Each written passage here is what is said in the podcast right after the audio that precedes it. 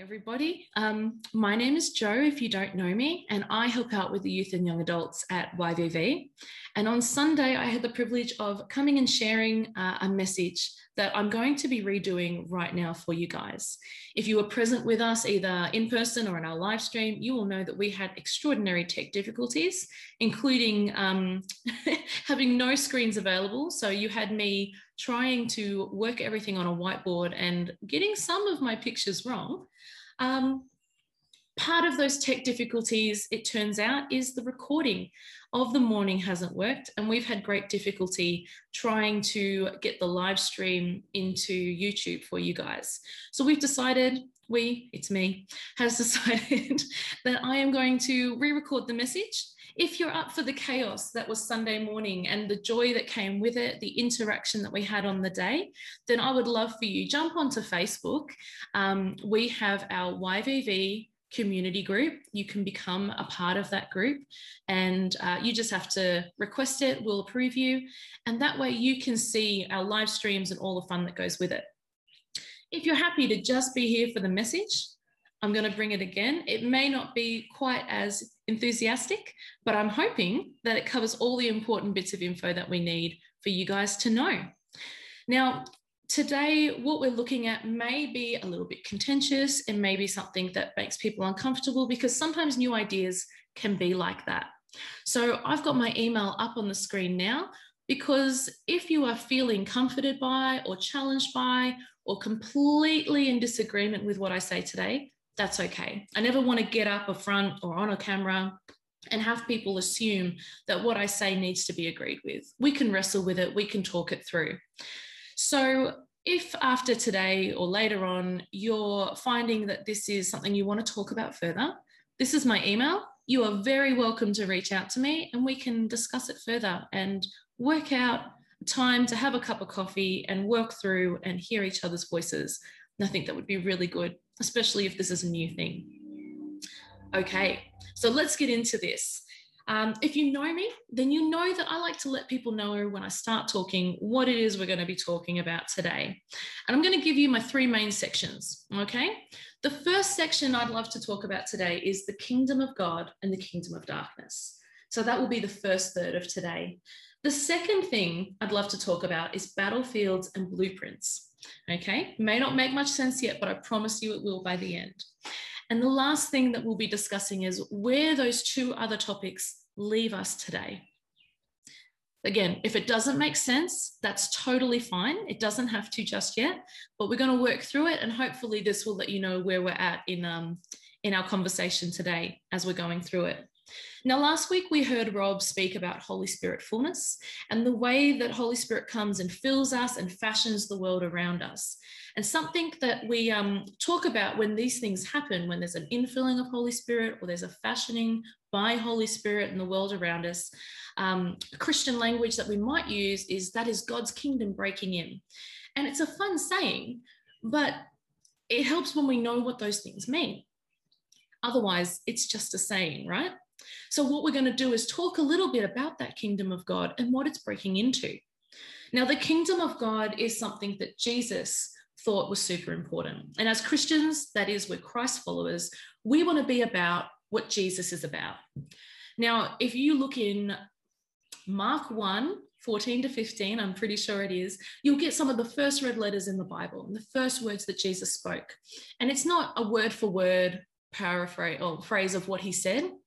We can assume that it's probably a, a summary of what he said. And it was his first time preaching, starting his ministry, and he called people to repent because the kingdom of God was near. Okay? It's a big deal, something that he started his message and continued all throughout his ministry to call people into, was focusing on the kingdom of God. But if he's calling us to recognize that the kingdom of God is near, it implies that it's not near to begin with, right? Why is that? So we're going to look at our departure from Eden. So we're going back right to the beginning in the Bible. So when God created the earth, he, he created it, he did all these great things, he had an order in which he did it, and the man was created, woman after, and God said it was good. Okay? And he created men and women in his image.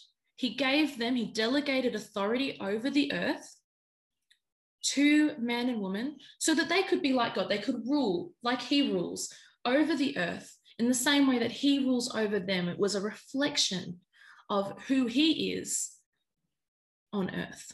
We were supposed to be like God. And it was the establishment of his kingdom over earth to begin with. Wonderful times. but if you've read Genesis, and it's okay if you haven't, there's this beautiful start, and the kingdom of God is there. And then there's an interruption. You see, we have Satan disguised as a serpent. He comes and he meets Adam and Eve, and he tells them lies, essentially, about who they are or who they're not. He challenges them and says, Oh, you want to be like God? Then you want to have this this knowledge. You want to eat from the tree of knowledge, which was a lie because they were already like God. He'd made them just like Him, He'd put them in authority like He is. But He did, He being Satan, tricked Adam and Eve in this moment. And through that tricking, He established the kingdom of darkness on earth. So by hijacking their authority, by tricking them into submission to Him, he also got them to submit their authority on earth. He stole it from Adam and Eve, and it established that rule of darkness that's gone unchecked since then. So when Jesus is talking about the kingdom of God being near, it's a challenge to this kingdom that was established and created the broken world that we live in now. So, understanding what the message and the kingdom of God really means that's what we have to consider first.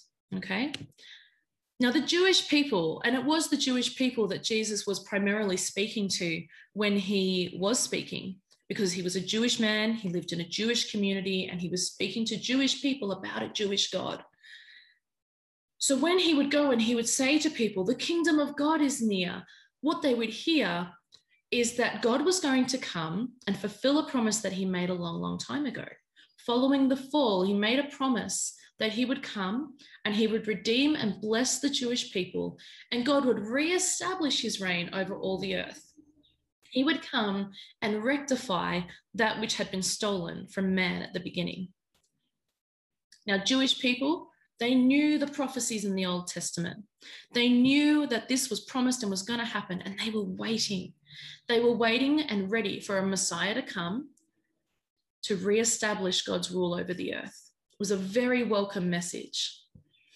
But the message was through the lens of their understanding. Now, a couple of weeks ago, you'll remember that Di spoke about worldview and how our experiences and our culture and our um, family influences, they all color the way we see the world. The Jewish people were the same. They had their own worldview. And because of their worldview and their understanding, many Jewish people thought that the restoration of God's reign on earth and his kingdom would look like a restoration of a unified political and geographical kingdom. Now, we sometimes talk about golden days and we throw back and do nostalgia. The Jewish people would do the same thing, and their golden days were when King David ruled. They had a unified people, they were a prosperous nation, they were secure, it was a national ideal where they had freedom from oppression, because at this point in time, when Jesus was preaching, the Jewish people were under oppression from Roman rule. They saw God's favor on their people, something they were not seeing clearly at this time. And they were excited about the economic growth and restoration of a very physical kingdom. There was also a second thought and understanding that this kingdom of God that they anticipated was coming would end all the spiritual things that were part of the kingdom of darkness. So things like the demonic, sickness, death, these things would also be taken care of and defeated, which sounds awesome, right? We that can understand why they would want a geopolitical establishment of a kingdom given their circumstances and this second spiritual kingdom being taken care of would be great. But this is where it gets a little messy because the Jewish people at the time anticipated that a king would come and swoop in and the new kingdom and rule would be implemented immediately. It would take place and it would happen and they would all experience it. And that's not the case. Um, we understand that Jesus was that Messiah. And as he came in and he was a part of the world, he was bringing the kingdom of God in. But then he was crucified. He paid the debt for all of our sins and ascended to heaven after his resurrection. But the world that we currently experience is not the kingdom of God fully realized. I mean, how would we explain to ourselves or people in our community that Jesus represents all of these great things? Um, but when he established the kingdom, they didn't come to fruition. It's, it's not an instantaneous thing that we're experiencing. And I think it's really good to talk about this because I'm sure that I've heard it a thousand times and you would have heard it, whether you're a Christian or you're not people questioning the reality of God and the reality of who God claims to be by asking, you know, if God was real and God was good, then why is there sickness in the world? Why are there horrible things taking place? Right now in our world, we have pandemic, we have national disasters, um, weather disasters. There's currently war taking place. The kingdom of God is not fully represented in our world in any shape or form right now. And how does that work if Jesus is the king that came to reign and bring the kingdom of God, but we don't have it yet? And we could get into some really religious and destructive talk if we started to look for explanations outside of God's word. Um, it would be so easy to say, oh, well, maybe it's my fault because of how I've acted, or maybe it's so and so's fault for what they've done, and blame the situation of the world on people now. Um, but I don't think it's healthy to look outside of the Bible for our understanding of the kingdom and shaping what it is we know solely through our lens and our worldview. We need to come back to God and back to the Bible and consider what we do know about God and how that means the kingdom plays out in the world today. So, I'm going to introduce what I hope is going to be a useful um, diagram and this takes us to our second point the battles and the blueprints. Um, I love this. It's from um, teachings by a guy named Putty Putman, who is awesome. We love his teachings. If you were involved in our School of Kingdom ministry, this is something that will be familiar to you. Um, now, quick plug in the middle here, not sponsored, but want you to know um, Putty Putman has a couple of books out. I own all of them. So if you are interested, one that covers what we're about to talk about right now is this one. It's uh, it's called Kingdom Impact. It's a great, great book. I love it. It's currently on loan to someone else, but if you'd like to borrow it after them, you can definitely let me know.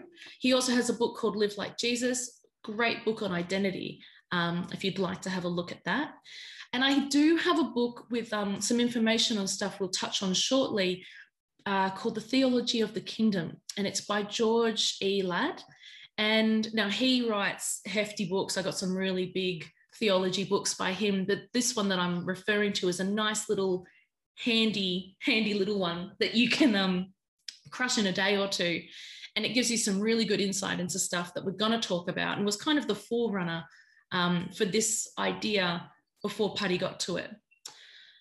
So, what we're going to talk about are two characteristics of God. We're going to talk about his goodness and also his sovereignty, so his rule, which is what we've been talking about with the kingdom. And looking at those things, we're going to discuss where God is complex and where God is simple. So on this little diagram, you'll see we've got the simple goodness, the simple complex, oh, simple complexity, the simple goodness, the simple rule, the complex goodness, and the complex rule of God. And we're going to talk through those particular things. Now, you'll notice on my little graph right now, that's next to me, it should be right now, we have a cross right off the, the bat between our simple goodness and our simple rule. So when I say simple goodness, what it means is that God's goodness and the way we understand it is easy. It's easier to understand. Things that look good are good, you know? Plentiful harvest, that's a good thing. Yeah. Um, wealth and spiritual wealth and physical healing and all those things, that's easy goodness. We can recognize that. And rule, if his rule is simple, what it means is that everything that God wants to happen happens. And we can stay right at the beginning that that is not the case because if God's goodness was totally simple and God's rule was totally simple, then all of those things that were good and that we understand as good would come to pass. We wouldn't see the complexity and the tension that we see in our world today. So, right from the get go, that is not an option. so, we need to consider that one of those things, either God's goodness or God's rule, is complex. Now, if we consider that God's rule is super simple, so everything he wills to happen happens, but his goodness is a bit more difficult to understand. That gives us the idea of the blueprint. Okay, so this is the sort of thing um, that if a church or an individual understands a cosmic blueprint is the world we live in, they might say things like, oh, everything happens for a reason. The implication is everything that God wants to happen happens, no matter what. However, that means that everything, including like floods, little babies getting sick, all of those horrible things are also part of God's rule and his will, which means that his goodness can't be simply good. It has to be complex and that we just don't have the ability to understand it. Um, so sometimes God is going to implement these things that seem really horrible to us, but it's it's good because He's going to make it work to His good. Um, but He's implementing those not so good things. That's part of His will. Okay. The next thing that is a possibility is that God's goodness is really simple, so all the things that look good are good, and all the things that look like the kingdom of darkness and evil are, but his rule is complex. So that's to say that everything that God wants to happen is good, but not everything that God wants to happen does. Okay? It doesn't look like the kingdom in our world every time, but it always looks good if it's the kingdom of God. Now, this means that um, if we were trying to think of a saying to encompass this particular mindset and theology of the kingdom, we might say something like, God is good all the time, and all the time God is good. Um, his goodness is never in question. His, our understanding of his goodness is never in question.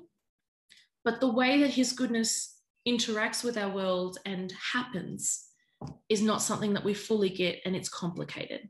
Okay. There's a battle happening here.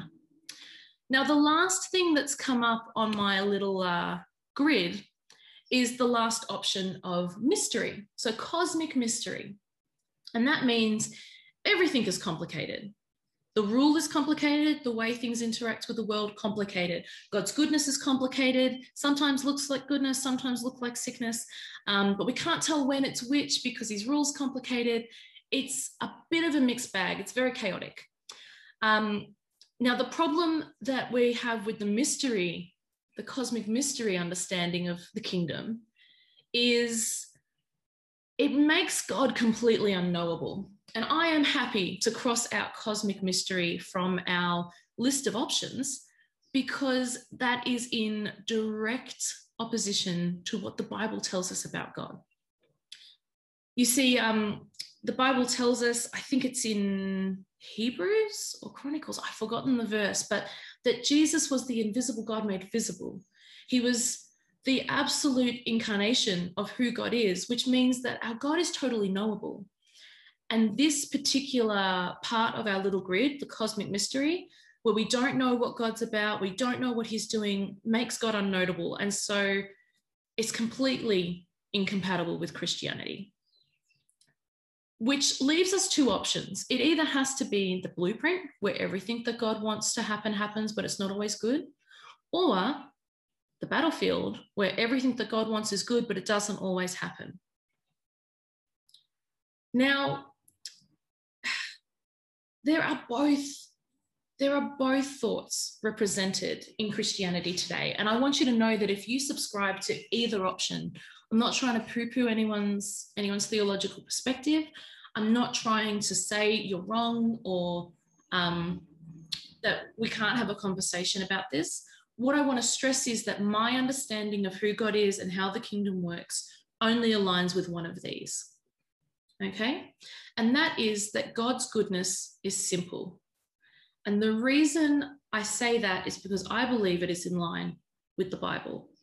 We can read in the Bible so many examples where God's goodness is compared to human understanding. There's a verse that tells us, um, you know, if your child wants a, a, piece of bread, who would give him a stone? What, who would give their child a scorpion? If you know what's good for your kids, wouldn't God know what's good for you?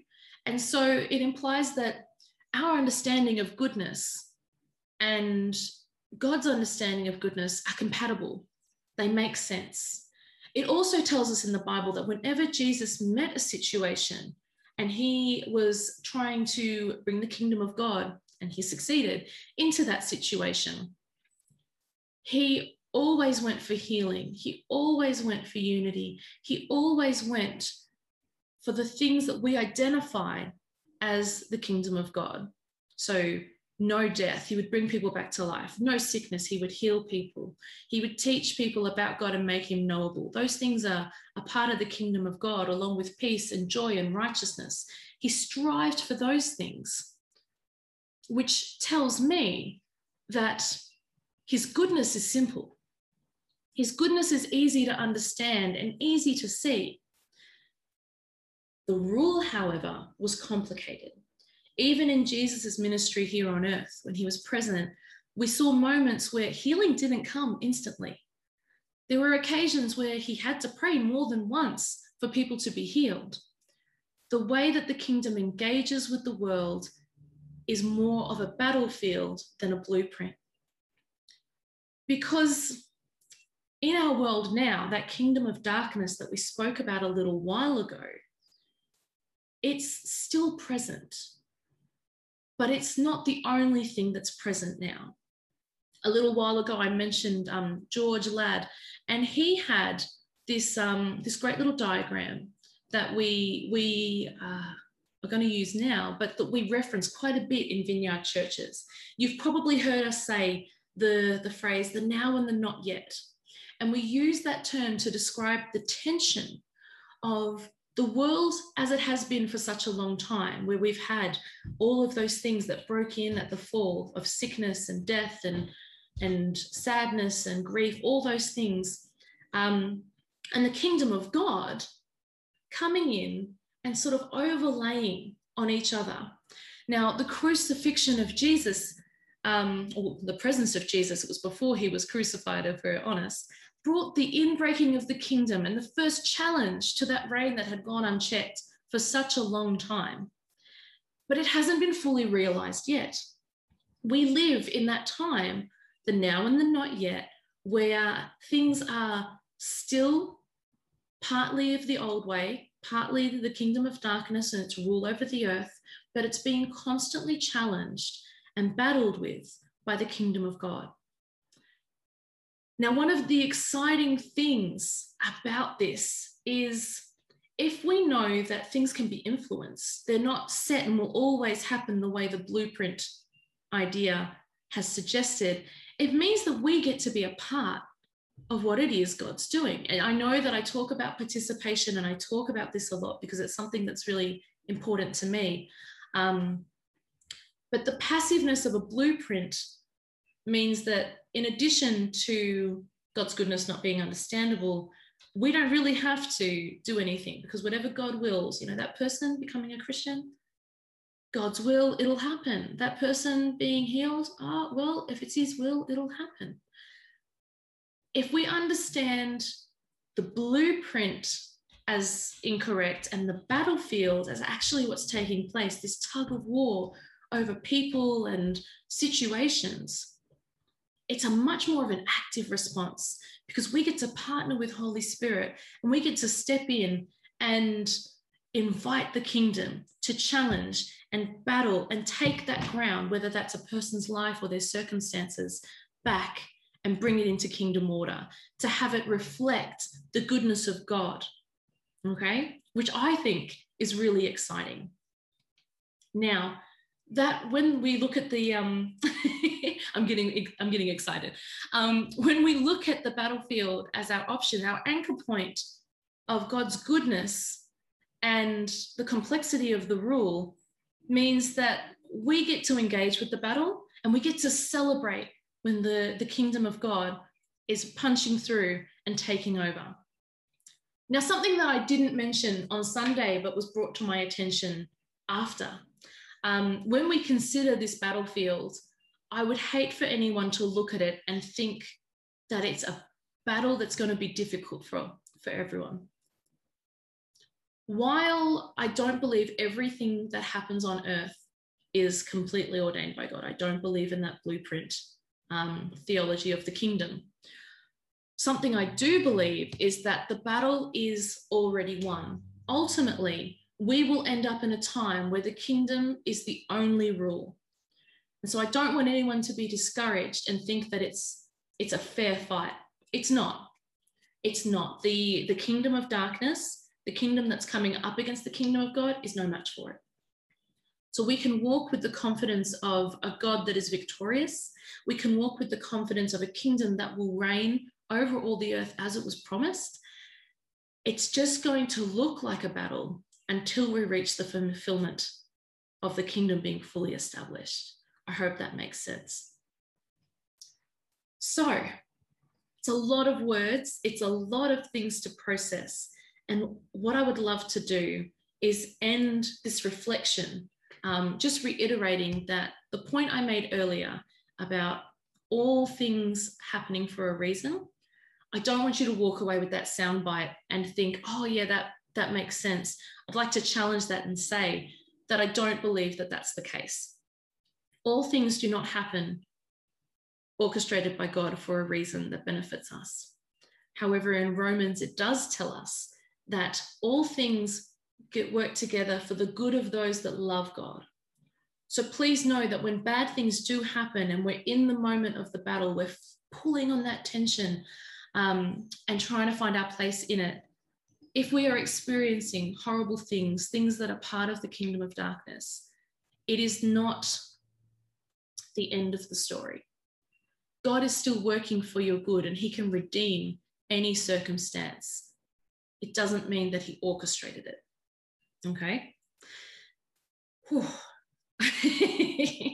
I hope you're still with me. I know I got a little bit excited in the middle there, and I hope I've been clear and I make sense. The way that I'd like to end today is with an opportunity for you to take some time to respond wherever you're at with this conversation.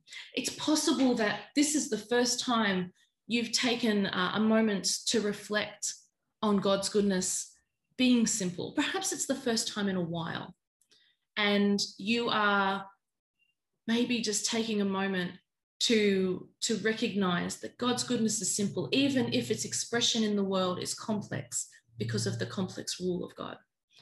If that's you today, I just want to encourage you to take time to let God minister to you directly. Let his goodness be something you experience today. He's an unknowable God. He wants to be known by you. He wants his goodness to be experienced by you. Take time today to bask in his goodness. You might be someone who's hearing this and realizing, yes, this is an opportunity for me. I am ready to engage. We would love to bless you with a power up so that you can go and engage with that battle in a healthy way in God's power, not your own, and that He would show you how to engage in that battle. Or perhaps you're already engaging and you're needing a recharge for the next leg. We could be in any of those circumstances, and it's possible that you're finding yourself in more than one. So, what I'd love to do is just bless you today, whichever one of those places that you are in. We ask Holy Spirit to come now and to meet you and minister to the need that you have that He would fill you up with understanding of His goodness or the power that you need to engage in the battle, or perhaps the recharge for the next leg of your journey. Holy Spirit, come now. move powerfully in the person who is in listening and engaging with this conversation. We pray that you would bless them with what they need and get them ready for the next stage in the journey with you. And we pray this in Jesus' mighty name. Amen. Alrighty, guys. Well, I hope that this has been a little bit clearer than Sunday if you're watching both. And if you're watching this for the first time, that it's something that has made sense. Um, I always worry that I don't. And remember, you are more than welcome to reach out to me via that email address if you'd like to discuss this further. Okay, have a good day, guys, and we'll catch you next time. Bye.